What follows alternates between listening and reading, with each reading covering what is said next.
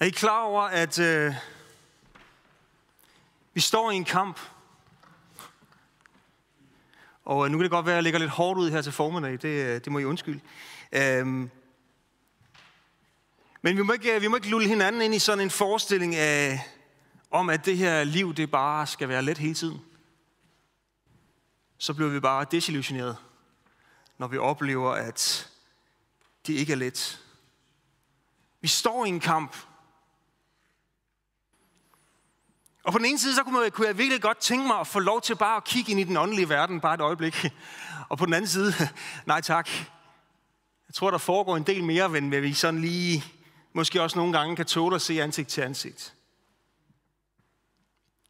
Vi står i en kamp, om vi vil det eller ej. Om vi er i kirke, om vi lever vores stille, forsumpede forstadsliv, vores pensionisttilværelse eller er under uddannelse. Hvad end vi, vi gør, hvor vi er. Fordi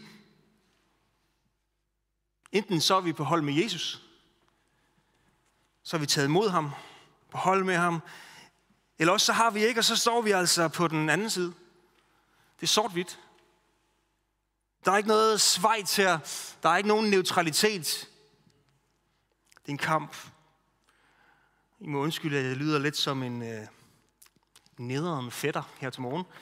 Øh, jeg mærker faktisk i mit eget liv, på min egen krop, den her kamp lige nu i den her tid. I min familie, på, på, på min krop. Og jeg ved ikke hvorfor, måske fordi at jeg har sagt ja til at være leder og gå foran, øh, eller fordi at jeg har bevæget mig ind på områder, som fjenden ikke kan lide. Jeg er ikke helt sikker. Men sandheden er, at der er ikke nogen af os, der kan undsige os kampen. Vi er tit optaget af at prædike noget, prædike korset, bedre tider, fremtid, håb. Og det er vigtigt, fordi det er vigtige områder, det er vigtige våben i kampen. Korset er altafgørende. For det var Jesus, der sejrede, som vi også synger om her. Nåden ville vi være fortabt uden. Og hvis vi ikke havde håbet, håbet om evigheden, håbet, om, håbet på Jesus, så havde vi alle sammen givet op for længst. Alle sammen. Men det er vigtigt at være bevidst om den her kamp, så vi ikke fortvivler, når vi står midt i den. For vi vinder den ikke uden helligånden. Vi vinder den ikke uden Guds kraft. Og det er ikke en kamp mod kød og blod, som Paulus han skriver her i Efeserne 6, 10-12. Han skriver sådan her, Til sidst vil jeg minde jer om at hente styrke fra Herren og hans vældige kraft. I fører hele Guds rustning, så I kan forsvare jer mod satans lumske angreb. Den kamp, vi står i, er jo ikke mod mennesker, men mod åndelige magter autoriteter og hersker i denne mørke verden mod en her af onde ånder i himmelrummet. Åh, kan I mærke, så er vi i gang? Jeg skal ikke tale om Guds fulde rustning i dag for det. Det har de gjort inde i børnekirken de sidste stykke tid. Det har været godt. Vi fortsætter med Paulus. Han skriver i Romerne 8:37, og han skriver det her, som, øh, fordi han oplever forfølgelser. Og, og, og det, er jo, det er jo måske noget andet, men det kommer ud af samme kamp. Han skriver, men i alt dette mere end sejrer vi ved ham, som har elsket os. For jeg er vist på, og så kommer der en, en ramse, som er, den inkluderer det hele. For jeg er vidst på, at hverken død eller liv, eller engle, eller magter, eller noget nuværende, eller noget kommende, eller kræfter, eller noget i, den, i det høje, eller det dybe, eller nogen anden skabning, kan skille os fra Guds kærlighed i Kristus Jesus, vor Herre. Ingenting kan skille os. Og det kan godt være, at du synes, det er hårdt, men se lige, hvem der er med os. Han er på vores side, eller vi er på hans side. Det kunne tyde på, at der foregår noget mere i den åndelige verden, end vi nogle gange lige er opmærksomme på, når vi sidder der med vores stramajbroderier og den grønne te. Og så overrumples vi, og så spørger vi, hvorfor Gud? Når der sker noget, vi ikke var forberedt på. Vi står i en kamp. Det kan godt føles sådan det nogle gange, tror jeg. Og derfor er det vigtigt, at vi er forberedt, at vi holder os tæt til ham, som allerede har vundet. Og sige, tak herre, du sendte Helligånden i Jesus sted, så vi kan udruste til at være i det, som er givet os her på jorden.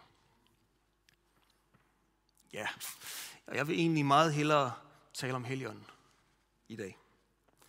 Og det værk, som han gør i hjerterne på de kristne, frem for at fremhæve kampen. Så bare rolig, jeg er færdig med at tordne nu. jeg siger bare det her, for det er vigtigt, at vi ikke undervurderer kampen. Øh, for vi skal fortvivle, når vi oplever den i vores liv. Og hvad er kampen? Du ved bedst selv, hvad du kæmper med. Så forhold til Gud, det gik fra et ydre virke til et indre virke i forbindelse med pinsedag. Helligånden trådte i Jesus sted, og nu kunne han tage bolig, og han kunne tage bolig i mennesker. Pinsen, det, er, det var for, for jøderne en, øh, en høstfest, den store hvedehøst. Men det var også her, at man fejrede, at Gud han gav de ti bud til Moses på Hovedrepsbjerg. Som vi læser om i, i Gamle Testament. Vi fik loven. Men den nye pinse, den kristne pinse, som er beskrevet i Apostlenes Gerninger, det blev markeringen på Helligåndens komme. Og der er en lighed mellem de to. Den gamle pinse, det er jo om, om halv loven, øhm, som vi skulle overholde med. Men med den nye pinse, der fik vi Helligånden, hvis opgave var at lede os efter Guds vilje, til at leve efter Guds vilje. Så der er ikke længere tale om at leve under den her døde lov, som er skrevet på stentavler, men nu ved Helligåndens vejledning i vores hjerter, bliver vi formet i retning mod Guds hjerte. Ydre kontra indre. Og øhm, Paulus han skriver om det i, øh, i Romerbrevet øh, 2.15, hvor han skriver, at Guds lov på en måde er skrevet i vores hjerter. Og Jeremias, en af de øh, gode gammeltestamentlige profeter, han skriver om den, øh, om den nye pagt, som Gud han vil øh, oprette i fremtiden gennem Jesus. At han vil lægge, lægge sin lov på hjerterne. Og så går Paulus endda så langt, at han siger, hvis I virkelig lever efter Helligåndens vejledning, så behøver I slet ikke Toraen, altså loven, til at holde styr på jer. For det vil komme naturligt indenfra i den perfekte verden. Jeg tænker, vi oplever stykvis, gør vi ikke det? Det gør os ikke til robotter. Men det inviterer os ind i en tættere relation med Gud, hvor vi formes skridt for skridt gennem livet. Hvor vi ikke går gennem livets kampe alene, men netop er sammen med selve sejrherren. Er det ikke fantastisk at tænke på? Hvis jeg stod på en slagmark, så ville der være rimelig stor forskel på, om jeg stod der selv, ah! Eller jeg stod ved siden af ham der, som allerede egentlig havde drevet tropperne på, på flugt. Der er en kæmpe forskel. Nå, vi skal have rigtig gang, gang, gang, gang i det gamle testamente nu. Er vi, er vi klar til det? Yes. Øh, jeg, jeg kan godt lide at kigge på de der profeter der. Øhm, og øhm, vi skal kigge på en af de sene profeter. Og øh, når jeg har fat i gamle testamente, så er vi lige nødt til at have lidt, så har jeg altid lige lidt baggrundshistorie med det. Det, det, det er vi nødt til, for lige at kunne omsætte det. Det er, det er jo gamle skrifter, det her. Han er en af dem, som vi kender for de store profeter, øh, fordi at øh, hans bøger er tykkere end de andre. Øh, måske. Han har i hvert fald... Yes. Og øh, manden, vi skal have fat i, det er Ezekiel. Øh, det er ham med dalen og de tørre knogler, hvor, øh, hvor han profeterer, og så bliver de levende, og, og det gad virkelig godt at se det. Det er en af de ting i Bibelen, som jeg godt har gad, se, gad have set. Men øh, ja, anyway. Øh, Ezekiel, han bliver, øh, han bliver betegnet som en, en mand med mange facetter. Han er meget farverig øh, personlighed. Øh, I sådan en grad, at nogle bibelkritikere faktisk mener, at Ezekiels bog er skrevet af, af, af mere end en person. Det er vældig omdiskuteret det her, så jeg, jeg, jeg tror nu bare, at Ezekiel var Ezekiel, og han var en meget, meget vild person. Øhm, og så er han stort set samtidig med Jeremias, som nok må sige sig være Ezekiels dimensionale modsætning. Jeremias, han var deprimeret, og han var indadvendt. Øh, så det var brrr, øh, samtidig med, ja, da! øh, jeg tænker, det er bare et, et, et, hvad hedder det, et bevis på, at Gud han kan bruge alle mennesker, hvor det er fantastisk. Øhm, Ezekiels tjeneste strækker sig cirka over en 20-23 år. Øh, han er fra omkring 550-600 år før Jesus. Og øh, på det her tidspunkt, der er Israel opdelt i to. Øh, det er Nordriget og Sydriget. Og han oplever Sydriget, altså Judas eksil til Babylon, hvor han også selv bliver deporteret her. Og, og flere af de her profetier, han modtager, det, dem, får han, øh, dem får han under ophold i Babylon. Og han profeterer blandt andet om dom. Så tænker man, wow, en gammeltestamentlig profet, der taler om dom. Nå, har vi hørt om det før? Ja, det gjorde de alle sammen, stort set. Men udover nogle ret syrede øh, og vilde syner, han har i starten af i sin bog og i slutningen af sin bog, så profeterer han også om folkets tilbagevenden til deres eget land. Fra eksil igen, og han taler om et større fremtidsperspektiv, og det er det, vi lige skal have fat i her. Det er som om han allerede har set fremtiden, at det kommer til at rumme mange flere mennesker end de jødiske folk. Og nu taler Gud selvfølgelig også gennem ham, så det giver mening. Men Gud taler igennem ham om, at alle folkeslag skal erkende, at han er Herren. Og der kommer en konge ulige alle de her udulige konger, som har været i, i, i det her sydrige, som fejlede deres opgave for hårdt. Hvilket jo så til sidst resulterede i eksilet. En konge, som ligner kong David. Og dem af os, som der har været i søndagsskole, vi ved, hvad svaret er, når jeg spørger, hvem må denne nye konge er, og hele menigheden svarede. Der var nogen, der var gået i søndagsskole, det er dejligt. Så det er sådan en 5-600 år før Jesus, der taler Gud gennem Ezekiel om, at, om ham, som skal komme, Messias. Men ikke nok med det, han taler faktisk også om Helligåndens komme. Om det, som ånden vil virke i hans folk. Ezekiel 36, 26 står sådan her.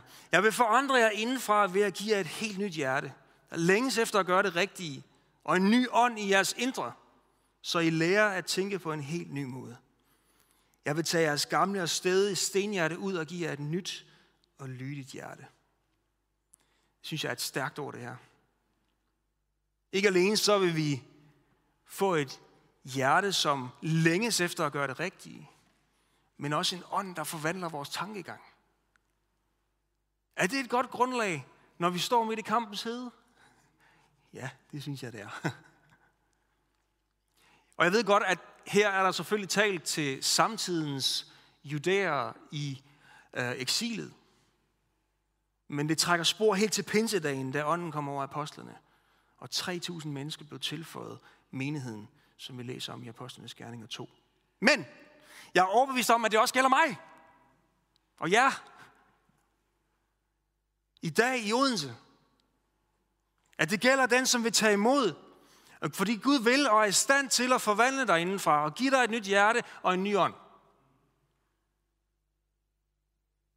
Og at det strækker sig over så mange år, det synes jeg bare, det bliver større af. Gud har en mægtig plan. Han vil etablere sit rige med en ny og pletfri konge. Um, men vent, det bliver endnu større. Han vil ikke bare genrejse det gamle Israels store rige. Nej, han vil gøre noget helt nyt, som ikke kun omhandlede de jødiske folk. Omkring 600 år senere, efter det er blevet skrevet, en sen aftentime i Jerusalem, der sad der en mand sammen med Jesus og talte om den her konge, og talte om Guds rige. Og manden hed Nikodemus. I læser om det i Johannes 3. Jeg ved godt, at, at Samuel talte om det her for noget af det samme for knap en måned siden, tre uger siden. Øh, men jeg tænker bare, så må det jo være vigtigt, eftersom jeg er blevet inspireret til at tage det op igen, så vi må hellere høre godt efter. Nikodemus, han var, han var en af de mere fremstående og velhavende farisæer. Og han havde opsøgt Jesus efter mørkets frembrud. Og han ville nok ikke have opsøgt ham på den her måde, på det her tidspunkt, hvis han kom for at sætte ham på prøve, eller for at irettesætte eller anklage ham. Som flere af de andre fariserede plejer at gøre ved højlys dag. Nej, han vil gerne tale med ham under fire øjne. På et tidspunkt, hvor de ikke blev forstyrret. Og her taler Jesus så, eller han taler med Jesus om, at som om, at at de er ligeværdige. Selvom Nikodemus han er veluddannet, taler de højeste uddannelser, og Jesus han, han er ikke veluddannet, på papiret i hvert fald. Så han kalder ham rabbi. En titel, som jøderne normalt kun bruger om respekterede lærere. Han siger, rabbi, vi ved godt, at du er sendt af Gud, for ingen kan gøre de mirakler, du gør, med mindre Gud er med ham. Og Jesus han vidste godt, hvem man var. En højtstående jødisk leder. Han kendte også godt hans tanker. Og Jesus han siger til ham, prøv at Kun hvis et menneske bliver født igen, kan det komme ind i Guds rige. Og jeg tror, vi skal forstå, at som jøde, så havde man en formodning om, at man faktisk allerede var født ind i Guds rige, fordi Guds rige, det er jo Israel. Så hvad var det lige for en snak? Og Nikodemus siger, ja, du kan jo ikke mene, du kan jo ikke mene, at et voksen menneske skal ind i sin mors mave igen og fødes forfra igen. Det, det, det kan du ikke mene, Jesus. Så, så hvad er det lige, du siger her? Og Jesus svarede ham, det er kun, hvis et menneske fødes af både vand og ånd, at det kan komme ind i Guds rige. Og der er sådan lidt forskellige udlægninger af, hvad vandet det er her. Nogle mener, at der tales om, om dåben.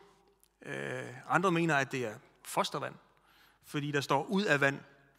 Øhm, altså en naturlig fødsel og en åndelig fødsel. Og nogle igen mener det levende vand, som Jesus taler med den samaritanske kvinde ved brønden om, osv. osv. Øhm, og måske ligger svaret et sted midt imellem.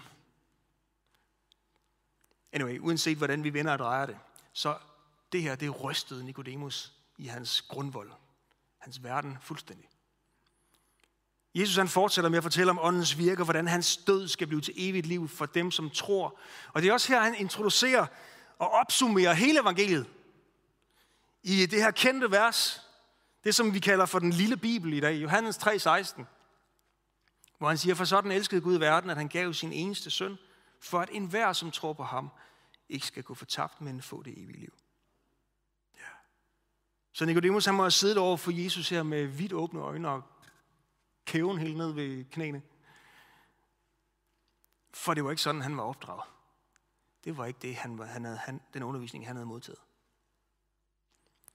Jøderne de levede som sagt i den forvisning, at de allerede var født ind i Guds rige, Israel. Man kaldte faktisk proselytterne, altså de her, som blev konverteret til, som konverteret til jødedommen, dem kaldte man for de nyfødte. For nu var man jo en del af folket. Riget var fysisk, og de ventede på en konge, der skulle komme og sætte sig på tronen og fordrive besættelsesmagten, romerne. En konge, der skulle bringe riget tilbage til Davids storhedstid. Og nu sidder Jesus så der og taler om at blive født igen åndeligt, for overhovedet at kunne se Guds rige. Guds plan er højere, Guds plan er langt højere. Kampen skulle ikke tages på slagmarken, den skulle tages i hjerterne. Og Jesus han var ikke kommet for at etablere et jordisk rige med grænser mod andre riger, som, så det kunne belejres eller besættes. Et rige, som var nødt til at være befæstet for at stå stærkt. Nej, han var kommet for at etablere et åndeligt, guddommeligt rige, som var ubegrænset. Fordi de tager bolig i hjerterne, og dermed ikke kan besejres. Så, Guds rige kan ikke besejres. Kampen er vundet. Er det ikke fantastisk? Mennesker, de tænker så begrænset. Så vi må lade Gud om at sætte grænserne, for Gud han er ubegrænset. Det er ikke os, der former riget, men Guds rige viser sig i glemt der, hvor vi lader ham forme os indefra og ud. Der, hvor vi lader os lede af Helligånden. Og det gælder alle, der vil tage imod det. Et evangeliet om Jesu død og opstandelse er for alle mennesker. Vi kan alle fordele i det. Ingen undtagelse. Og når kampen viser sig, så er vi forberedt. Det kan stadigvæk gøre ondt. Sindssygt, det kan gøre ondt. Men vi ved, at vi er på den vindende side. Vi har snydt, vi har læst slutningen. Ved det godt. Så hvordan er, det, hvordan er det nu? Næste gang djævlen minder dig om din fortid, så mind ham om hans fremtid. Er det ikke sådan? Da Jesus han døde, der var Nikodemus blandt dem, der tog ham ned fra korset og var med til at gøre ham klar til at blive begravet. Der står, at Nikodemus medbragte 30 kilo salve. Alo, myra. Og det betyder, at de gav ham faktisk en royal begravelse. Han forsvarede også Jesus på, på et tidspunkt over for de andre fariserer, selvom de ikke vil høre på ham. Jeg tror, at Nicodemus var kommet til en erkendelse af, hvem Jesus han er, og måske også, hvad Guds rides komme betyder. Jeg, øh, jeg tør godt tage ordet fra Ezekiels bog til mig. I dag. Jeg vil forandre jer indenfra ved at give jer et helt nyt hjerte, der længes efter at gøre det rigtige, og en ny ånd i jeres indre. Så I lærer at tænke på en helt ny måde. Jeg vil tage jeres gamle og stedige stenhjerte ud og give jer et nyt og lydigt hjerte.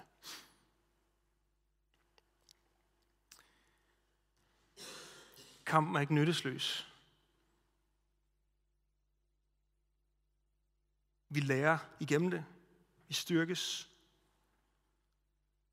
Jeg er ikke et øjeblik i tvivl om, at Gud han ønsker at give dig et nyt hjerte, som længes efter at gøre det rigtige. Han har allerede sendt, sendt Helligånden til at vejlede os og forvandle vores tanker. Det gamle liv er forbi, når nyt er på vej. Der er håb. Hvis vi bare vil tage imod det. Jeg tror mange gange, vi kan leve vores hverdagsliv og sådan lidt glemme, hvad det egentlig er, vi allerede har, og så fortvivler vi fuldstændig, når kampen viser sit grimme fjes. Vi aner slet ikke, hvor privilegeret vi er, bare ved at kende den levende Gud.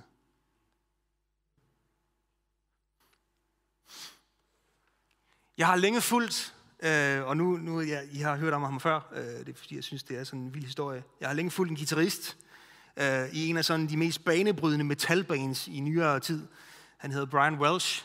Han ser sådan der ud. Ja. Øh, han elsker Jesus, vil jeg bare lige sige. Så. Nå. Han levede det vilde liv, før han mødte Jesus. Han havde alt, menneskeligt set. Han havde det hele. Kæmpe karriere. Førende musiker på den internationale scene. Han havde alt, hvad han kunne drømme om.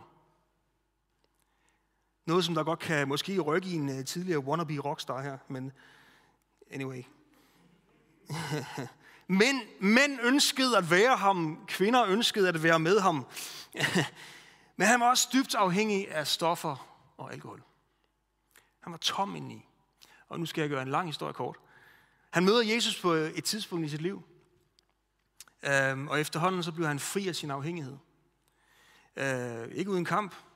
Selv efter han, han blev kristen, der, der kæmpede han med det her. Og så kommer han til en, en erkendelse på et tidspunkt, hvor, hvor, han, hvor han siger, hvor har jeg dog spildt meget af mit liv på ingenting? Hvor jeg bare kunne have været sammen med Gud.